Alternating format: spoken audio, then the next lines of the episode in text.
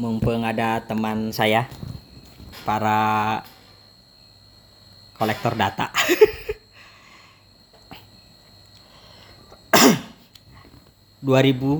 ratus tahun eh 2500 baru kemarin ya 35.000 tahun lalu lah. Saat sejarah umat manusia dimulai dan dibaca. Dulu itu eh, ras kita ras manusia menaklukkan wilayah. Mereka mengklaim wilayah-wilayah mereka jadilah entah tuan tanah kah jadi apa. Sebenarnya sekarang sedang terulang peristiwa itu di episode modern hari ini. Cuma persoalannya kita punya nggak teknologinya. Dan teknologinya juga ya nggak bayar-bayar amat kan? Semi gratis gitu atau bahkan kita juga bisa membajak. Open source. Open source juga ada. Banyak pilihan. Tapi poinnya mau nggak menyentuh itu untuk diubahnya menjadi aset. Kita bicara aset dulu. Aset adalah apa? Aset? Lan apa lan? Aset lan. Aset itu apa lan? Kau tahu nggak aset itu apa? Aset itu segala sesuatu yang produktif yang menghasilkan uang masuk ke kantongmu. Itulah aset kalau barang-barang atau benda-benda tertentu yang membuat mengeluarkan uang itu namanya liability beban. Itu yang mengeluarkan uang? Hmm? itu yang mengeluarkan uang? Ya kalau mengeluarkan uang dari kantong kita itu namanya liability. Kalau aset itu? liability. Kalau yang aset itu segala sesuatu yang yang kita miliki yang mendatangkan uang ke kantong kita. Saya masih ingat. Eh, mau dua tahun sekarang berarti hitungannya hampir dua tahun lalu dalam sebuah perjalanan sama istri saya begini. Sama Neng Aan. Aku masih ingat jalan jalan Timoho. Aku bilang ke dia periode kakak periodeku aku. Aku kan kelahiran 80-an 80 ya Neng ya. Ngakunya. Aku eh bulan ini aku ulang tahun loh. 78 lahirnya berdasarkan akte. Tanggalnya 15 April besok kalau kata akte aslinya aku lebih muda. Lahirku tahun kata ibuku sih mungkin tahun 90-an kata ibu. Kata ibu. Ibunya sayang anak. Nah di perjalanan itu aku bilang eh, orang-orang seusia kakak seusiaku yang dilahir tahun 80-an itu mereka berpikir mari mas. Ya Faisal Mas. Nih mas Helmi. Ini Pak Kiai loh. Aduh. Nah, kalau ini Pak Kiai betul. Kau kalau nanya hidayah iman sama dia jangan sama aku. Tapi mereka nanya siapa sama aku. Hidayah apa? Aku jadi sholat gara-gara mereka nih. Tadi nanya kakak hidayah. Tapi ini chefnya. Jadi aku akhirnya ayo udahlah aku sholat ya. Akhirnya nggak mabok. Kasihan kan anak-anak muda harus dijagain. Jadi eh tadi ngomong apa tadi kita? Oh, saat di jalanan sama Mas Faisal juga eh, seusia-usia sama aku lah. Saat berpikir tentang bisnis yang dipikir oleh mereka adalah sebuah tempat, toko, barang-barang yang harus disediakan. Bener gak? Ngaku, ah, betul katanya. Bikin minimarket kah? Kayak gitu kan? Rata-rata orang seusia aku begitu. Untungnya aku aku makanya aku bilang usiaku jadi lebih muda kayaknya. Aku melompat jauh dari periode usiaku di mana mungkin dari sekian banyak orang salah satunya aku yang berpikir bahwa memiliki toko itu bukan memiliki tempat, bukan. Memiliki toko hanya memiliki informasi. Selesai. Dengan data informasi yang dimiliki lalu dibuat websitenya, di display. Itulah nasib tas kertas. Sekarang kembang kempis. Merana. Jadi aku bikin website dengan database gambar-gambar doang lalu dijual begitu saja selesai. Aku bisa menghidupi dua kelompok pengrajin dan bisa bangun rumah ini, bisa beli mobil. Memang butuh waktu 10 tahun proses itu, tapi saat memanennya hanya butuh waktu 1-2 tahun. Apa yang aku klaim? Yang aku klaim hanya data digital taskertas.net. Domain itu kan ku beli kayak gitu jadi milikku. Padahal kalau dipikir-pikir ikan IC ICANN itu kan cuma mem- memblocking data apa kode aja yang membuat mereka berhak menjualkan angka itu berapa per tahunnya kan mereka nggak punya nggak nggak ada barang yang mereka beli maksudnya eh, segampangannya nggak ada modal apa apa selain mengklaim seperti para leluhur kita zaman dahulu mereka hanya klaim ini areaku jadilah tanah dia sekarang itu begitu. Tapi memang karena ikan duluan yang me- me- memblokade kata kom maka kita membeli ke ikan dengan harga yang sangat murah yaitu 150 ribu kah 200 ribu. Begitu bangunannya jadi websitenya jadi dan bagus bisa menghasilkan uang miliaran satu bulan dua bulannya ya kita bisa menjual domain itu bisa ratusan juta bahkan miliaran. Itu contoh. Kesadaran itu kesadaranku di, di episode anak-anak seusiaku kesadarannya kesadaran website. Alamat web. Waktu di Timoho dua bulan dua tahun yang lalu aku cerita sama istriku neng di episode anak-anakku Elin maksudku Ezra itu website tidak berlaku lagi mas. Tapi masuk ke ranah aplikasi. Itu dua tahun yang lalu. dua tahun lalu. Sebelum aku mengenal ada Android eh, sorry eh, Andromo belum belum ngerti Gudep belum Gudep ngerti tapi nggak begitu memahami bahwa itu bisa ABC belum tahu bagaimana memanfaatkan menghasilkan uang dari AdMob nggak mikir itu. Aplikasi. Kesadaran aplikasi saat itu adalah membuat aplikasi sebagai sebuah kolam pribadi di mana orang menginstal aplikasi kita orang-orang menginstal aplikasiku maka secara tidak langsung dia akan terjebak oleh sistem yang aku bangun. Mereka dapatkan notifikasi, mereka semuanya kan robust ke handphone kita. Kalau kalian install Bukalapak, Tokopedia, toko-toko lain itu kan mereka dengan nyantainya muncul di handphone kita kan notifikasinya. Ada inilah, ada itulah, promosi ini, promosi itu. Sehingga kita jadi terbiasa belanja di tempat mereka. Kita lupa bahwa harga yang mereka buat bisa saja yang lebih murah. Jangan-jangan tetangga kita jadi lebih murah. Mana peduli kita karena sudah terkurung dalam sebuah kolam yang spesifik yaitu dinamakan aplikasi. Itu kesadaran pertamaku tentang aplikasi sebagai masa depan anak-anakku. Udah, jalan. Nah saat itu aku mikir lagi. Tiba-tiba muncul kesadaran lain. Kalau kita membuat produk, menjualnya di aplikasi berarti ada barang yang harus didistribusikan, ya kan? Making, kirim, berinteraksi dengan orang segala macam. Itu menyenangkan, iya. Karena itu bagian dari human kind, bagian dari umat manusia. Itu itu sesuatu yang tidak bisa dihilangkan. Nah, Makanya kalau kau bilang, aku, aku harus ketemu orang-orang agar aku bisa mempraktekkan membuatkan virtual box segala macam. It's okay. Memang harus begitu kita. Corona aja kita terlalu takut. Ada ada corona di sini. Memang sebaiknya begitu, karena umat manusia dirancang untuk selalu berinteraksi antar ketemu manusia. Tapi jangan kaget, di episode tertentu interaksinya bukan lagi ketemu kayak gini. Mau tidak mau, kalau rasa takut terhadap eh, pandemi ini berlebihan dalam jangka waktu yang sangat lama, misalnya sampai 10 tahun ke depan, akan kejadian manusia lupa bahwa manusia itu sebenarnya harus ketemu sama temannya, sama orangnya, bisa jalan ke mana saja. Jadi ini tuh pertarungan pertarungan peradaban baru yang sedang saling tarik ulur. Dan aku tidak mau menyerah pada logika kita harus di rumah saja. Ya aku di rumah saja. Aku pergi aku pergi. Ya itu tadi aku semauku. Kalau aku mau pergi ya pergi. Kalau orang tidak terima ketemu aku ya ya nggak apa-apa pergi aja. Jadi eh, take it easy. Makanya prinsip-prinsip dasar yang harus dimiliki oleh setiap masing-masing itu harus kuat dulu. Kalau tidak kuat kita akan kena eh, rasa takut, eh, baper, terus tersinggung, banyak banyak penyakit nanti akan muncul. Oke kembali ke yang aplikasi tadi. Karena aku pikir akan lebih enak bikin, upload, duit dapat, nggak ngapa-ngapain lagi. Itu asal usulnya. Di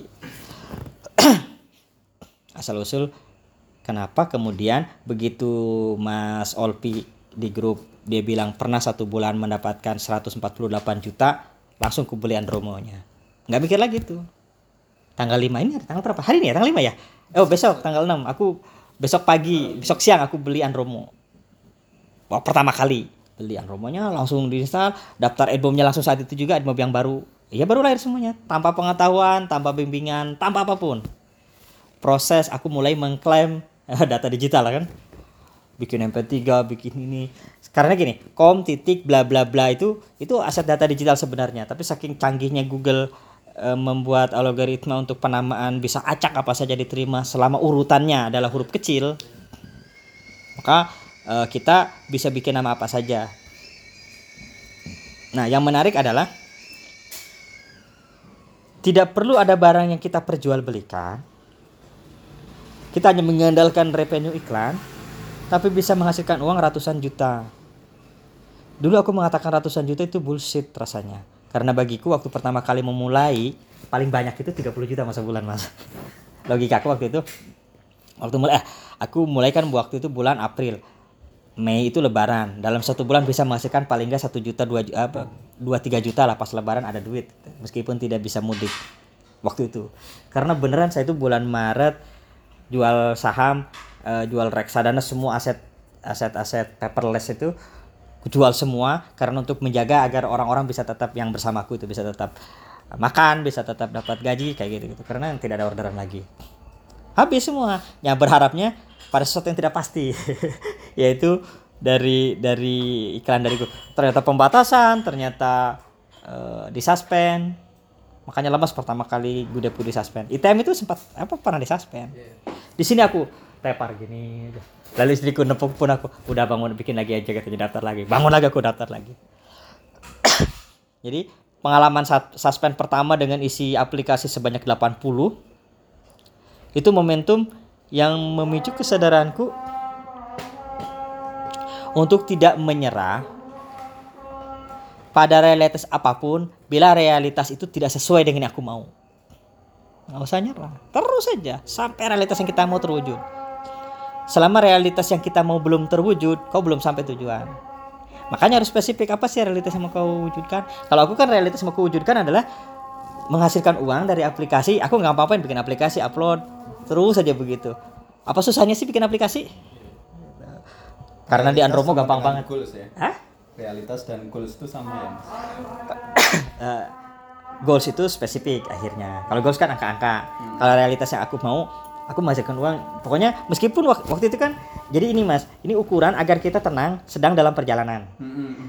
Kalau kita ngukurnya goal 100 juta satu bulan padahal hmm. masih baru dapat 1 2 juta, uh, apa dongkol kan? Yeah. Ini kapan nyampe nya aku kayak gitu akhirnya marah-marah terus nggak nggak nggak menyadari proses kalau kita menyadari proses realitas yang diakui sebagai uh, bagian dari perjalanan ngukurnya itu oh ada uang masuk saya itu dapat nol nol eh, mau begitu nyala ada grafiknya nggak ada duitnya uh senang banget jadi setiap ada duitnya satu dua rupiah makanya aku ya aku suka nyengir aja dan selalu aku support. Oke okay, selamat kamu udah berhasil sampai sini ya?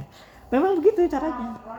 Tanpa kesadaran bahwa apa yang kita kerjakan menghasilkan meskipun itu ratusan perak apa namanya?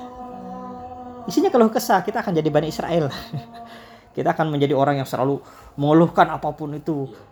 Itu itu itu merusak merusak goals nanti. Goalsnya nggak bakal bisa dicapai ketika kita punya saya kan punya goalsnya menghitung waktu itu 30 juta kemudian setelah perkembangan selanjutnya direvisi jadi 100 juta sebulan lalu pas dalam karena nggak nyampe nyampe tuh mas. Jadi saya itu kalau nggak nyampe nyampe terus naik. Kenapa terus naik? Karena ini bola salju. Saya tahu ada ada traffic jumlahnya satu hari bisa datangkan aplikasi saya dulu waktu awal dibuat bisa datangkan traffic satu harinya itu paling sedikit 150 ribu kalau dibagi dua kan 70 70 ribu dikali sekian dolar. Uh segede gitu duitnya. Terus naik gitu. Ini ku apa ekspektasiku. Gak pernah turun. Sampai hari ini gak pernah. Tapi memang aku batasi di kalimat sederhana waktu pas imam imam sapi yang satu esa ke sini. Saya bilang begini sama dia aku akan terus bikin aplikasi ini sampai aku nyentuh angka satu miliar. Iya bang. Aku mau sampai 100 juta satu bulan kata dia. Dia 100 juta bulan Desember sudah 100 juta duluan. Aku matok di angka satu miliar sekarang bayangkan aku mengatakan satu miliar per bulan Edmobku seratus ribu pun gak ada. Per harinya itu paling seratus karena pembatasan. Ya, lucu aja. Tapi itu realitas yang saya lihat angka-angka kecil-kecil tadi masuk itu menyenangkan sekali. Buat saya uh, itu wow. Jadi aku nggak pernah sengsara dalam membuat aplikasi. Cuma kaget saja kalau bisa seperti itu kaget memang sok. Salah satu peristiwa yang membuat aku lemes banget itu aku punya aplikasi trap apa trending di Amerika uh, panduan pal guys. Uh, Godepnya Godep dari Amerika pakai laptop ini. Uh, dibelikan kawan. Nah dia dalam 15 hari installnya 150 ribu. Bayangkan amatiran sekelas aku. Pertanyaannya kenapa bisa secepat itu? Kenapa bisa begitu? Tadi sih yang jawaban yang saya praktekin. Itu doang mas gak ada ya. Neng ada cicin lagi nggak? Jadi rumusnya aku tadi siang memberitahu Mas Faisal sama Bang Adri. Lu pakai keyword apa saja terserah. Mau bawa USP mau apa suka-suka kalian aku nggak peduli itu. Tapi lakukan prosedur itu. Itu menjadi ritual penting. Seperti orang kalau mau sholat harus berwudu dulu harus baca takbiratul ihram. Itulah prosedur yang harus dilewati. Jadi itu bukan ajaran. Ya itu perilaku yang memang harus dilewati. Pertama perilaku ini harus dilewati bagi orang-orang awam yang ingin menemukan Mas Faisal. oh Mas Bus Tolongin itu ke kakak malah Mas Faisal. Nggak Iya, iya. kita ini ini kopinya digeser dulu. Enak kan pindahin dulu lah ini materi penting sejarah manusia ini cupi. kalau kalau kena cupang habis itu buku kakak nah biar bisa diminum kopinya kalau ini kopiku Bang, aku minta diulang realitas tadi. ah Realitas tadi. ya ulang kita Itu yang biar kita tidak di jalan tidak resah tadi. Iya memang nggak boleh ke sana Nah, itu tuh yang aku mau. Mau dengerin lagi. Diulangi ya Diulangi. ngulang dia mas Soalnya itu yang penting juga bang. ya kalau kalian gelisah cakap-cakap gitu Nah iya kayak Godef mati gelisah, ini mati gelisah. Nah itu. ya makanya ini aku ceritakan Nah, iya, iya. Eh, bagaimana jadi kopi dulu eh mas kopi mas kopi lagi kuenya mana neng kuenya mana dia mau ngerekam neng kuenya mana neng? Kuenya mana masa itu biskuit lama jangan jangan jangan. Bentar, bentar dulu. Udah OTW, Oh, bentar udah lagi OTW. datang. Sabar. bentar lagi datang Makasih ya Neng. Neng, Mbak. Sorry Mbak. Pak, Maaf. nggak umi lagi? Enggak enggak. Enggak, udah lagi. Sih. Gelai. Oh, ini gelai jadi eh bayangkan coba dalam 15 hari installnya 150 ribu Wih, saya juga nggak habis pikir kok saya keren banget ya aku tidak pernah sungkan untuk membuat rasa bahagiaku, rasa banggaku, rasa kalau orang lain mungkin menyebutnya sombong, rasa sombongku selangit nggak apa-apa, karena aku tahu ukurannya. Kenapa ini aku ceritakan, kenapa aku sampaikan? Aku tidak bermaksud menginjak teman-teman, tidak maksud merendahkan kalian, enggak. Maksudku adalah bahwa kalian itu jauh lebih bisa melakukannya daripada aku yang itu hanya anak sastra Arab. Sama Mas, Hah? sastra Arab. ya sastra Arab. Dirimu GM, aku IAIN. Oke. Jadi begitu naik, aku ganti, aku split admobnya dari admob yang pembatasan ke admob yang tidak pembatasan yang punya saya. Nanti kita akan lihat di bulan September tahun ini rekaman ulangnya di Facebook akan muncul itu. Kan aku simpan di Facebook.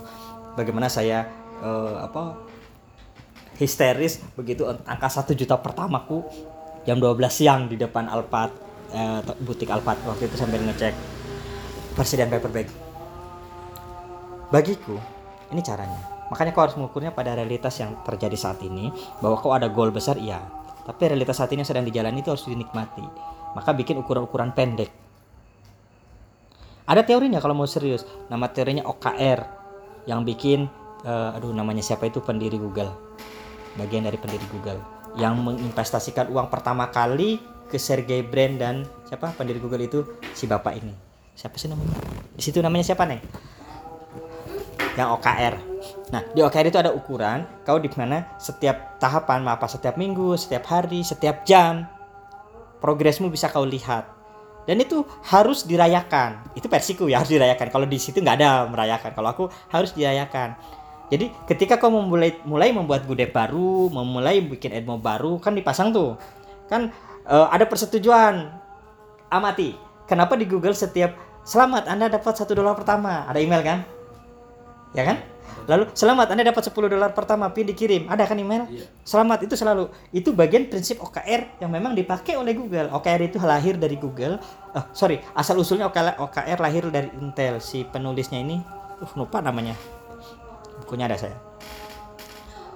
Eh, John Doerr. Namanya John Doerr tulisannya. John Doerr John Doerr. Doerr ini eh, yang menciptakan OKR dulunya dia dibuat untuk di Intel lalu kemudian dibawa ke Google terus Bono juga menggunakan itu yang YouTube. Saya mengadopsi itu kalimat melihat realitas. Jadi ketika teman-teman memulai proses dapat hari ini progresnya dapat pengunjung jadi lihat sisi baiknya jangan lihat sisi buruknya. Kalau pembatasan kan requestnya banyak duitnya nggak ada. Bayangkan coba kesel kan? Bukan. Tapi fokus aja ke request. Terus naik requestnya. Saya dulu uh, saya inget banget si Mas Saipul Anwar yang dari uh, Bandung itu chat ke saya tengah malam gara-gara saya Rona saya share di status request saya hari ini 150.000 ribu dari satu aplikasi doang. Itu Ultraman waktu itu. Keren. Nah setiap proses tadi ketahuan mana yang terus naik Jadi secara tidak sadar akhirnya belajar kita cara membuat aplikasi itu trending ke atas itu kayak gimana. Jadi kalau kalian saat melalui proses pembatasan proses itu diabaikan udahlah biarin aja gak usah dilihat-lihat itu juga nggak elok. Tapi kan bagi orang awam ketika dilihat yang dilihat adalah sisi buruknya bukan sisi baiknya. Benar nggak? Kau akan lihat sesuatu itu sisi buruknya. Ini pembatasan sudah lama. Contoh lah udah kita kutip aja biar nanti ku share di grup. Melisa misalnya makan selalu kemarin ya jangan nangis nangis pembatasan katanya request bukan kalimatnya begini meskipun aku pembatasan requestku terus naik. Kalimatnya dipakai. Jadi selalu ada optimisme yang akan terus menyala nggak bakal hilang. Karena bukan motif dari luar kita tahu tujuan kita ke mana. Tujuan saya waktu itu aku akan tembus request meskipun nggak ada duitnya loh nggak peduli nggak peduli. Aku mau buktikan bahwa aku bikin aplikasi bisa tembus 100 eh sorry 500 ribu request dalam satu malam dalam 24 jam. Itu misiku waktu itu. Jadi bukan duit waktu proses entah berantah pembatasan itu. Begitu pembatasan dilepas hmm, gila memang. Yang membuat saya yakin bahwa suatu hari pembatasan dilepas adalah ada anak di grup Facebook itu bilang suatu hari pembatasan itu dilepas nggak perlu kalian ngapa-ngapain kata dia. Selama tidak melakukan pelanggaran-pelanggaran baru. Pelanggaran baru itu kok ngupload aplikasi baru yang ternyata mengandung pelanggaran di dalamnya ya direview lagi kayak gitu. Jadi salah satu cara pembatasan itu cepat hilang bikin aplikasi sekaligus. Upload 100 aplikasi misalnya udah selesai biarkan. Budapnya satu jepret tinggalkan. Apa pun yang terjadi terjadilah selesai selesai. Tapi tidak belajar. Udah selesai gitu itu satu metode. Kenapa saya menyarankan terus saja bikin aplikasi selama tiga bulan pertama yang aman-aman itu tujuannya untuk bertumbuh. Kalau menggunakan metode kedua yang saya selalu bilang bikin aplikasi yang banyak itu bisa lihat mana aplikasi yang bagus mana aplikasi yang jelek. Makanya nanti setelah tiga bulan seperti punya Mas Faisal. Dicek mana aplikasi yang uh, requestnya tinggi sedang pembatasan. Tapi dia ada potensi uangnya bagus. Potensi uangnya bagus bisa dilihat dari pengaksesnya dari mana. Anak-anak apa orang dewasa kalau anak-anak gak usah diterusin. Mendingan di unpublish meskipun requestnya banyak. Tapi kalau requestnya banyak orang dewasa yang pakai yang request sedikit di unpublish di admo di mana? Di uh, play konsolnya di unpublish hilangkan. Nanti yang ada adalah aplikasi-aplikasi yang installnya minimal 1000 yang aktif installnya minimal 100 tunggu aja seminggu pasti lepas limitnya. Begitu. Setelah tiga bulan kalau sekarang mah nggak usah dipikirin terus aja bikin masuk bikin aplikasi itu termasuk bisnis bukan Hah? bikin aplikasi itu termasuk bisnis bukannya Gak tahu kalau itu mah nggak paham saya apa sih disebut bisnis ayo kita bahas dari dasar apa bisnis ada produksi Enggak, bisnis itu apa Ada What? sesuatu yang diperjualbelikan. Ada transaksi di situ. Itu bisnis. tidak lebih itu lebih kompleks lagi beda dengan dagang ya kalau bisnis itu kan harus ada proses produksi Hmm. kemudian ada proses distribusi Hmm. eh, kurang lebih itu begini aplikasi ini bentuk lain dari kerjasama umat manusia dari seluruh dunia yang tidak pernah saling mengenal tapi saling membutuhkan tanpa sadar kenapa tanpa sadar ya tanpa sadar ekosistem yang dibangun Android yang dibangun oleh eh, Apple. Kita tidak saling mengenal sama sekali. Mereka tercerabut dari setiap masing-masing divisi untungnya kita ini kita generasi di tahun ini maksud saya mungkin akan lebih beruntung lagi anak-anak kita. Jangan-jangan anak-anak kita itu nggak perlu lagi bikin eh, apa gambar dari mana. Mungkin mereka tengok tap tap tap tap jadi aja aplikasi dia. Sekarang kan kita masih nah kita ini hanya bagian kecil dari sebuah sistem proses bisnis yang luar biasa besar bisnisnya bisnis apa bisnis advertising mas bisnis periklanan bisnis periklanan yang dimiliki oleh Google, oleh Facebook, oleh Upbrand, oleh siapa saja banyak. Itu bisnis bisnis periklanan. Kita ini hanya sebagian kecil sekali. Segininya mah. 15 persennya. Hah? 15 persennya. Katanya begitu dalam hitungan data. 15 persennya yaitu menyediakan konten yang akan digunakan oleh orang-orang seluruh dunia. Jadi dalam buku Optimis Rasional itu menarik dibahas. Hanya umat manusia yang bisa saling terhubung tanpa ketemu orang-orangnya membuat benda yang tidak pernah kita pahami bagaimana prosesnya tapi kita bisa menggunakannya dengan baik. Cangkir ini saya nggak tahu bagaimana cara mencari keramik mengolahnya tapi ini cangkir sudah di tangan saya sekarang kan? Bisa minum kopi? Minum dulu. Termasuk kopi ini. Saya nggak pernah menanamnya tapi kita bisa menikmatinya dengan ada eh, menganut konsep Adam Smith yang eh, di mana itu ur- urusan ekonomi. Intinya manusia bersedia membeli dan menjual atau dia memberikan apa yang dia punya. Ini sisi hebat manusia. Manusia itu dulu eh, saya nulis di Facebook paradok Adam Smith bilang manusia itu bersaing. Dia maunya hanya jual beli dia hanya bahagia kalau dia mendapatkan apa yang dia mau. Begitu ya. Unik di sisi lain manusia itu bahagia mendapati orang lain mencapai tujuan mereka. Aku nggak tahu kok bahagia nggak setelah aku punya virtual box banyak lalu ternyata ternakanku bagus gitu? Aku nggak tahu ya tapi aku secara pribadi aku akan sangat senang bila teman-teman di grup itu semuanya pada berhasil ratusan juta gitu sebulan. Nggak tahu. Nah itu anehnya manusia. Itu sisi sisi apa namanya anomali manusia. Dan itu yang menyebabkan peradaban kita tumbuh. Makanya jangan heran kenapa Islam Kristen Katolik semua selalu gelut tapi terus saja mereka berkembang. Itu anomali bagian dari sejarah umat manusia. Ya memang memang begitu. Nggak bisa kita menolak nggak bisa kita menolak perbedaan nggak bisa kita menolak perang nggak bisa. Itu akan terus terjadi. Anomali kita itu salah satunya. Nah di aplikasi ini kita ini hanya sebagian kecilnya. Jadi kalau disebut bisnis bisnis apa ini? Bisnis. Bisnis apa? Bisnis advertising kita bagian dari ekosistem advertising internasional. Bayangkan Mas Faisal kalau bikin aplikasi penggunanya orang Amerika misalnya. Ngeriset dulu datanya ini ini lalu dibuat aplikasinya. Lalu diambil kodenya dari AdMob. Diupload ke Play Store. Play Store kan punya Google. Kita nggak saya nggak mau tahu bagaimana cara mengelola Google itu membuat kode-kode semua bisa diakses oleh semua handphone. Kita nggak tahu kan? Tapi kita bisa menikmati itu. Atau Andromo. Andromo mana tahu saya dalamannya kayak gimana. Pokoknya kita tahunya bisanya ini, ini, ini udah selesai. Upload.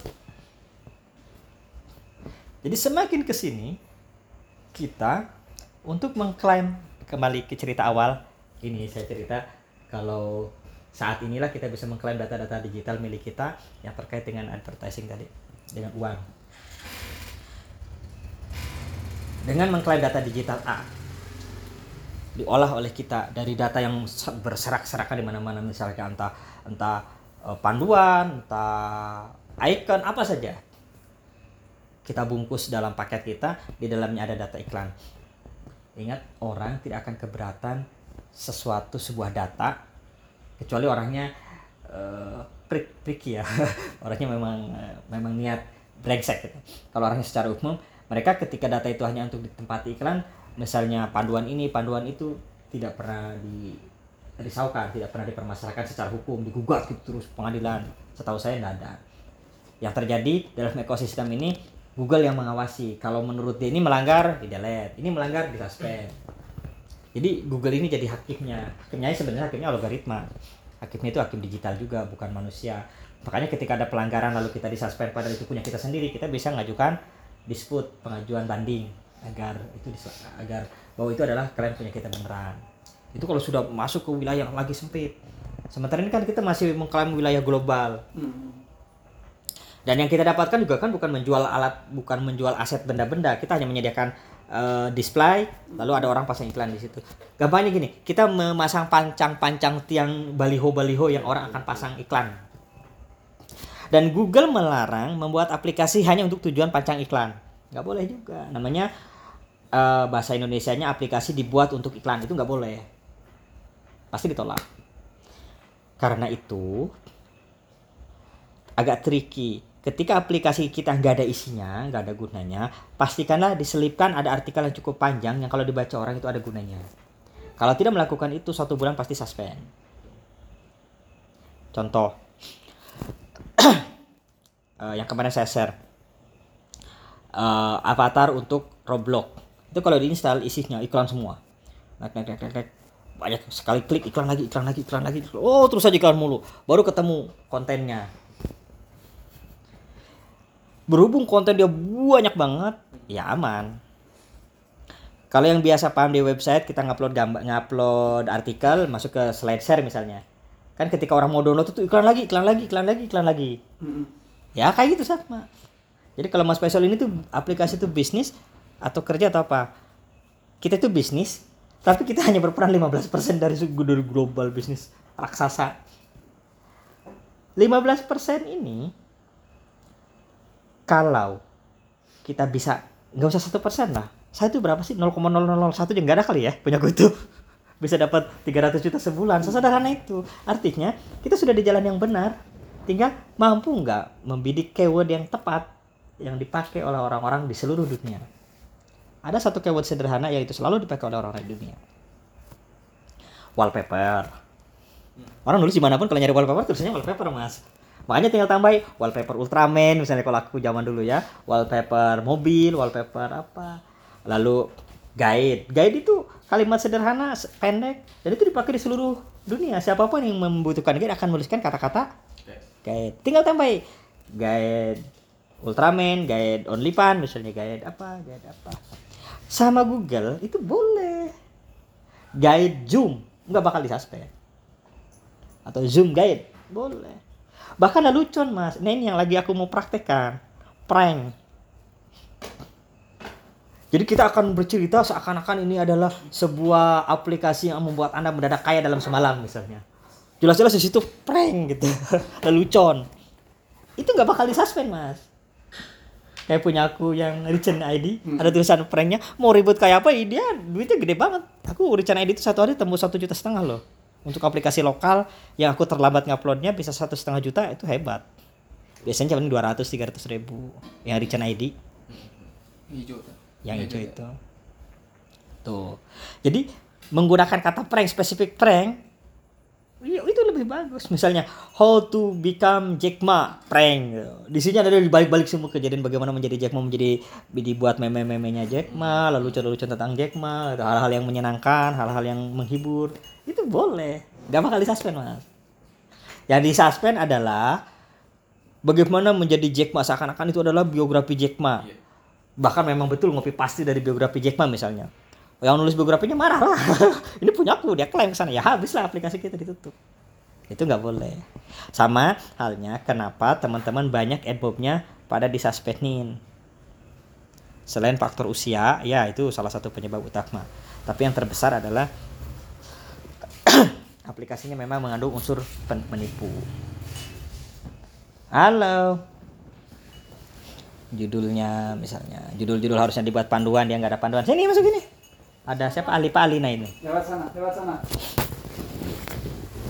jadi ketika dia eh, apa si judul ini misalnya bilang eh, Richard ID penghasil uang nggak ada kata guide-nya nggak ada itu ya itu namanya perilaku menipu. Pasti yang disuspend aplikasinya mungkin ada karena nggak ada yang ngeklaim nggak ada yang banding. Tapi itunya pasti hilang admode-nya pasti mati. Begitu. Jadi kesempatan teman-teman ada Helmi akan ngajari bikin apa namanya multi godep Ternak akun. ternak akun tapi memang agak berat. Bayar ke Google kan satu godep eh, 25 US 25 US dollar ya. Kalau mau banyak ya berarti sekian ratus ribu harus disiap sekian juta harus disiapkan. Misalnya 10 godep aja ya harus sedia 4 juta setengah berarti kan? Itu relatif. Ada cara kedua eh yang ini tidak tidak apa namanya tidak harus ternak ya udah satu gudep bikin aja eh, apa namanya aplikasi-aplikasi yang aman upload 300 aplikasi udah satu gudep saya ditertawakan. Ingat banget itu. Bulan Mei. Nanya di grup ADS ADS ID forum ADS ID itu. Mas satu gudep maksimal berapa aplikasi? Sebenarnya itu pertanyaan bodoh yang saya tanyakan. Apa urusannya? Memang dia siapa gitu. Tapi saya tanyakan kan di forum pengen tahu. Eh nggak tahunya. Dia bilang oh kami biasanya satu gudep hanya tiga. Loh punya saya tuh isinya sudah 50 wah ngawur gue katanya gitu. Ada yang bilang gitu Eh, lalu saya pikir-pikir lagi. Baca di mana-mana. Nggak ada penjelasan Google satu gudep maksimal sekian nggak ada. Dan terinspirasi ada sebuah gudep dari Jepang. 10.000 loh aplikasinya. Total aplikasinya 10.000 kau buka lagi nanti kalau ketemu aku share di grup. 10.000 dari mana? Hah? Ketahuannya kan ada ada datanya jadi kalau apalagi kalau masuk ke Bayu SP tulis aja gudepnya dia nanti berapa aplikasi yang pernah dibuat kan ada di sebelah kanan oh iya iya iya ada semua Jadi oh berarti bebas lah suka-suka kita. Sudah selesai urusan. Makanya punya aku sekarang totalnya sudah 251 tuh. Suspendnya udah 89. Gudepku. Jadi cara mengklaim mumpung masih bisa data-data belum sekeras di masa akan datang. Mungkin di masa akan datang nulis huruf S aja dimarahin itu sama orang ada yang mengklaim kan? Sekarang oh, sudah. Itu bisa diwariskan pula. Ya kan? Kitanya sudah meninggal endmomnya terus mengalir seperti jariah gitu. Jadi ah, ini tentang amal jariah. Jadi ingat aku. Jariah itu kalau persepsiku bukan manfaat kepada orang yang mati tapi manfaatnya kepada orang yang hidup Mas Faisal.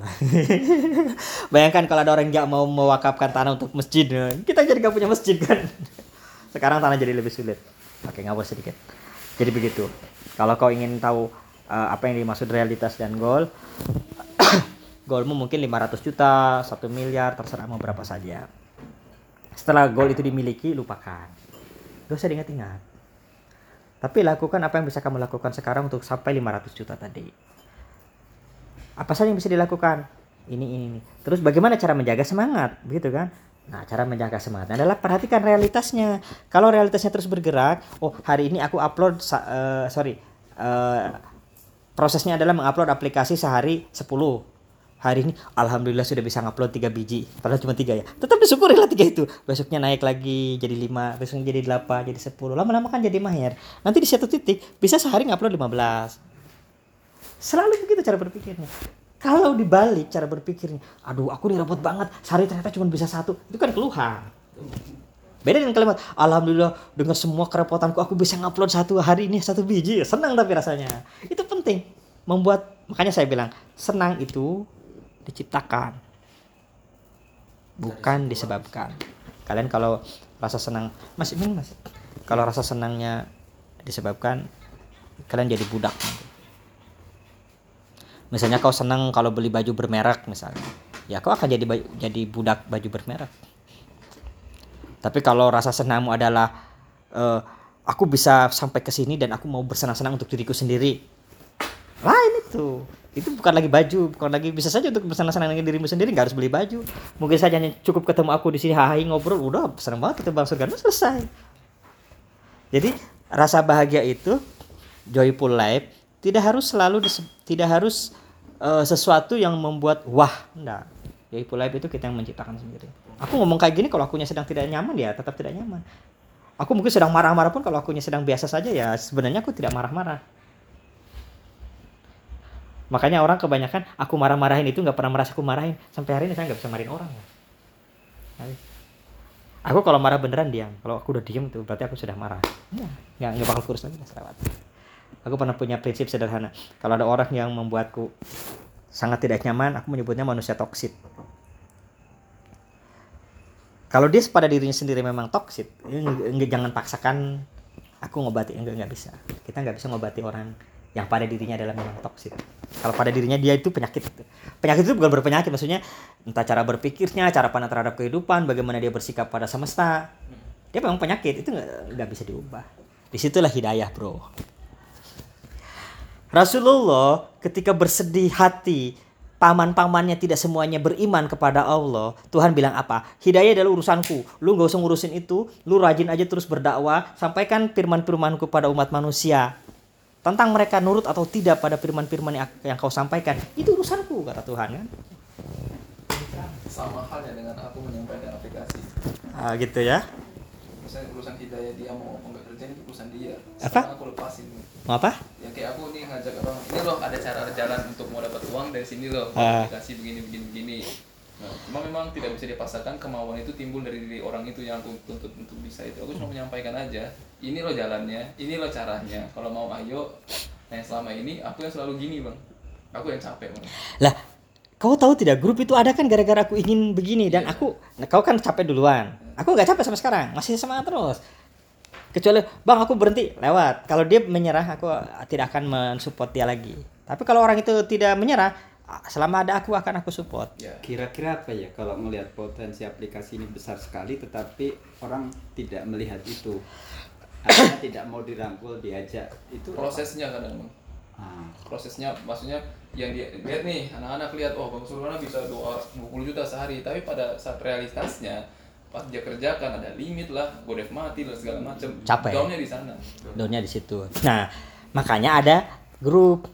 Grup ini yang menyelamatkan semangat. dua orang yang baru masuk itu semangat lagi gara-gara ada turning abang itu makanya aku minta kemarin. Ah, iya. sudah pada kayak gini semua itu kakak ipar termasuk Jadi itu padahal udah berapa bulan ikut? Oh itu lumayan lama ya. udah berapa bulan gitu. Kakak ipar dia sedih kasihan pas kemarin apa apa dia sedih pas godef apa tuh APK-nya disuspend. Hmm. ya aku pikir ya wajar lah dia sedih. Makanya biar bangkit lagi aku masukin lah biar atmosfernya kena tuh dari grup bangsa. Itu Jadi kalau kalau itu penting makanya kenapa manusia itu senang bertemu dengan manusia-manusia lainnya. aku Di sana ada empati. Empatinya empati biologis. Kita nggak nyadari kita ini mungkin sebel sama orang tuh ya. Sebenarnya mungkin secara rasional itu kita tuh benci orang itu. Tapi tubuh kita, tubuh loh. eh, entitas biologis kita itu punya empati kesetaraan. Kita sama-sama manusia. Jadi tubuh kita kalau orang mungkin pernah dengar ada baca aura kayak gitu-gitu. Tubuh kita itu punya empati khusus. Sekarang begini, kalau mau merasakannya betul. Pergilah ke sebuah tempat dalam tanda kutip di, di mana sekelompok orang-orang di Babel di sana berada. Rasakan tubuh kita. Kita deketin mereka. Tubuh kita itu menginginkan mereka bahkan mau mengangkat mereka, mendorong mereka, menemani mereka jalan kaki, bahkan menggendong mereka. Tubuh kita loh, bukan ininya, tubuhnya. Selama apa pun badan seseorang dia merasa dirinya lebih sehat dibandingkan orang yang di Pebble, dia lebih siap untuk menolong orang tersebut. Itu bawaan genetis umat manusia. Seandainya saya bukan orang bertuhan, kan karena bertuhan itu kehendak Allah kita selesaikan urusan. Kita bicara tentang sains dulu. Kenapa itu terjadi pada struktur umat manusia? Kenapa manusia menginginkan manusia-manusia lainnya bertumbuh? Karena manusia tidak ingin sendirian. Kalau dalam kisah-kisah religi, Adam ketika sendirian dia meminta Hawa.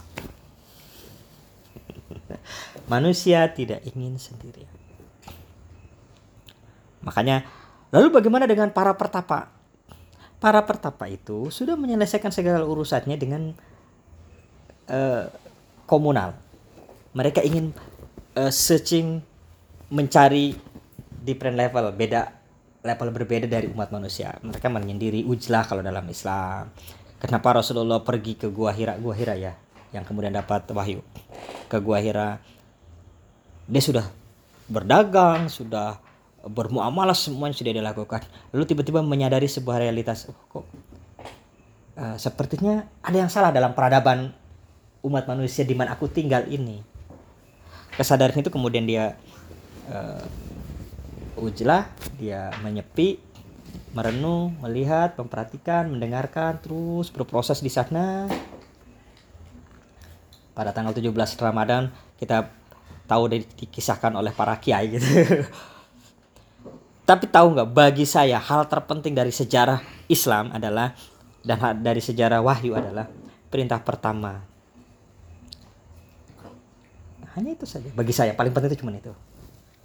Dari Islam yang paling penting dari semuanya adalah bukan tentang peradaban, bukan, bukan tentang itu semua. Karena semua peradaban, semua intensitas apa pun yang bisa diwujudkan oleh umat manusia tanpa proses membaca dia tidak akan terjadi. Makanya suruh baca kita.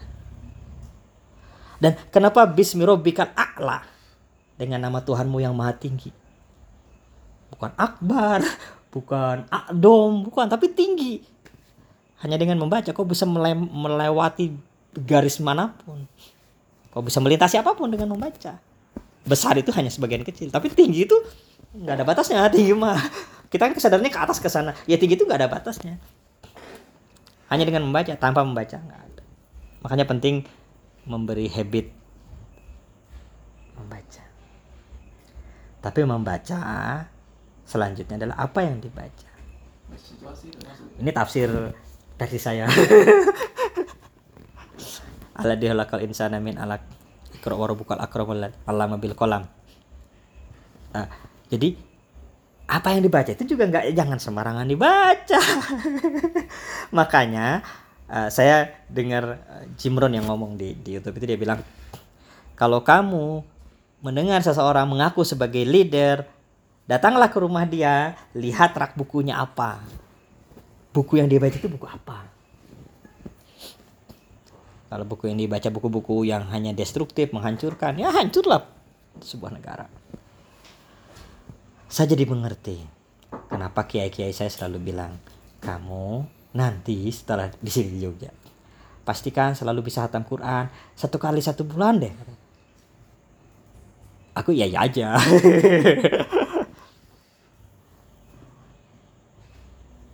Bayangkan kalau dalam Al-Quran itu isinya hanya kutukan.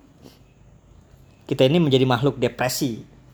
Umat manusia ini, Islam ini bangsa depresi jadi.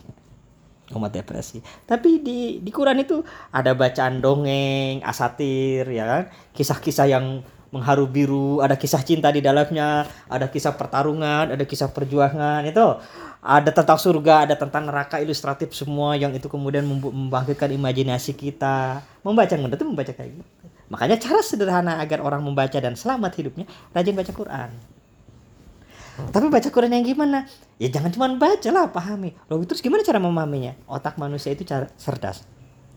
Ketika seseorang berulang-ulang menemukan kalimat tertentu yang sama dengan rit dengan rima dan ritme yang sama dan dia ingin tahu apa itu artinya, percaya sama saya, suatu hari dia akan ketemu orang yang bisa menjelaskan arti dari apa yang dia baca. Saya selalu percaya itu. Karena se- sesungguhnya kita ini makhluk getaran. Bergetar terus Sudah sekali udah. Demikian cerita kita malam ini. Wassalamualaikum warahmatullahi wabarakatuh. Direkam mas.